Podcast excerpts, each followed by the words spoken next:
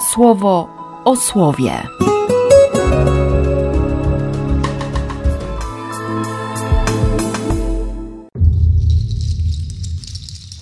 Dwudziesty czwarty sierpnia, wtorek.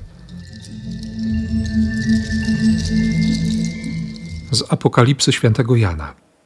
Potem podszedł jeden z owych siedmiu aniołów, którzy trzymają siedem pucharów napełnionych siedmioma klęskami ostatecznymi, i zwrócił się do mnie słowami: Chodź, pokażę ci oblubienicę, małżonkę baranka.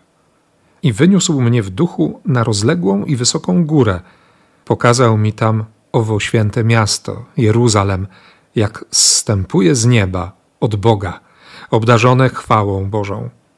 Jego wspaniałość podobna do najbardziej drogocennego kamienia, jakby do jaspisu krystalicznie przejrzystego. Ma ono wielki i wysoki mur obronny, ma dwanaście bram, a na tych bramach dwunastu aniołów i wyryte imiona.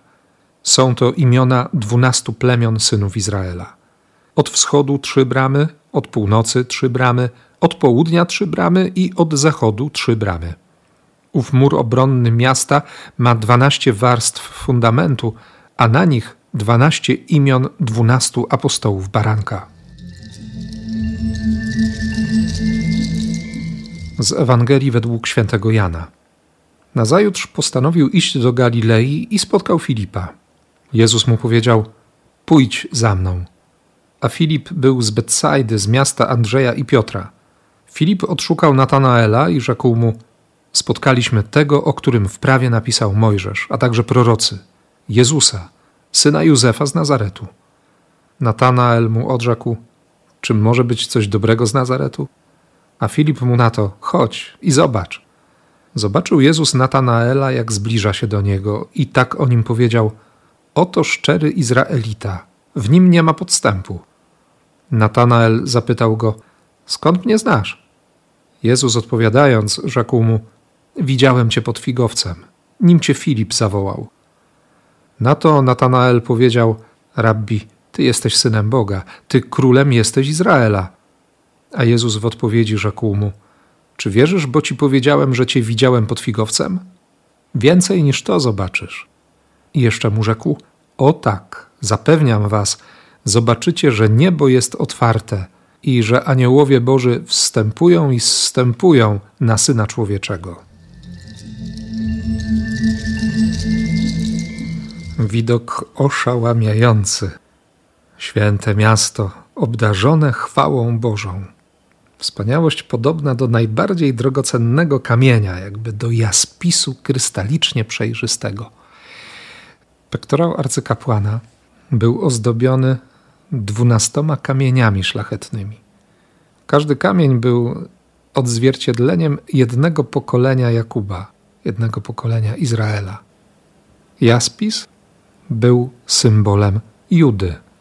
Pokolenie Judy, czyli pokolenie Jezusa. Dwa razy w Apokalipsie pojawia się ten obraz. Najpierw w czwartym rozdziale. Ktoś siedzący na tronie wydawał się oczom jak jaspis i sardoniks. A drugi raz właśnie w tym dwudziestym pierwszym rozdziale. Chwała miasta, świętego miasta, nowego Jeruzalem jest podobna do jaspisu. Zachwyt nad małżonką baranka wynika z tego, że, że ta oblubienica jest obdarzona chwałą, jakby okryta chwałą baranka. Trochę tak, jakby źródłem zapierającego dech w piersiach piękna żony, oblubienicy, była chwała męża, a na pewno obdarowanie przez niego. I to jest rzeczywistość, której doświadczamy.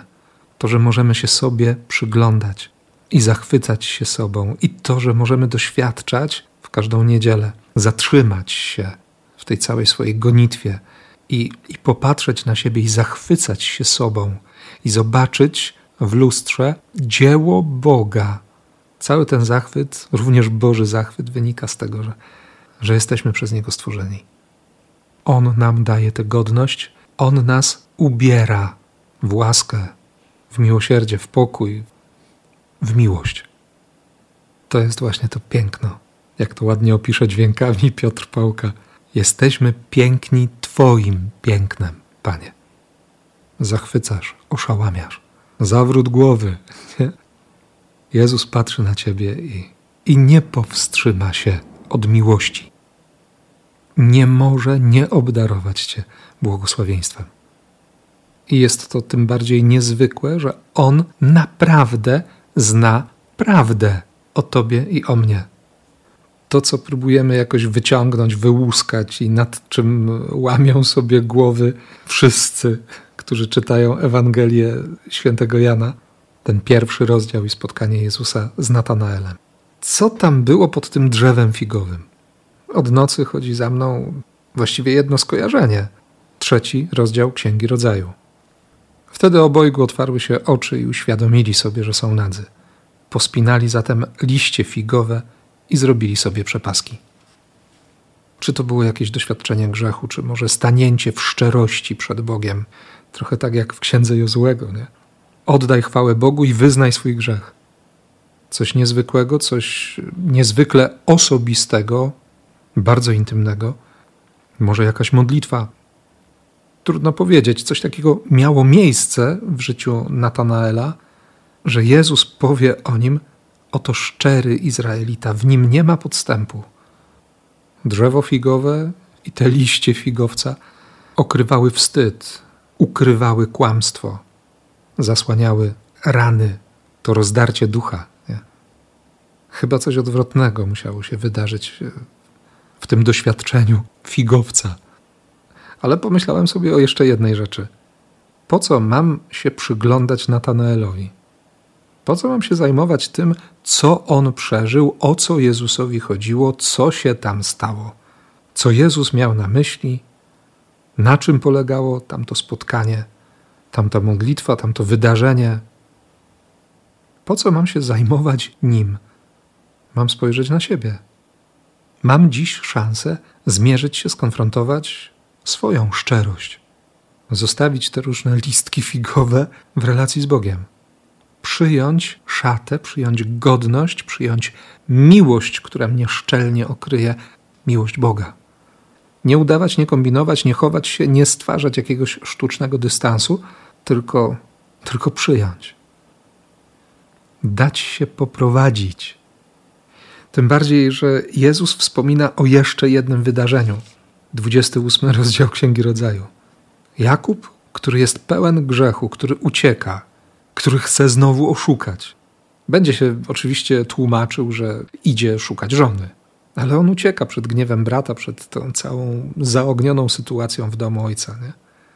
I Bóg daje mu to konkretne doświadczenie, tę szansę, by uwierzyć, tak, aniołowie zstępują po tej drabinie w dół i wchodzą na górę przynoszą łaskę, zabierają grzech.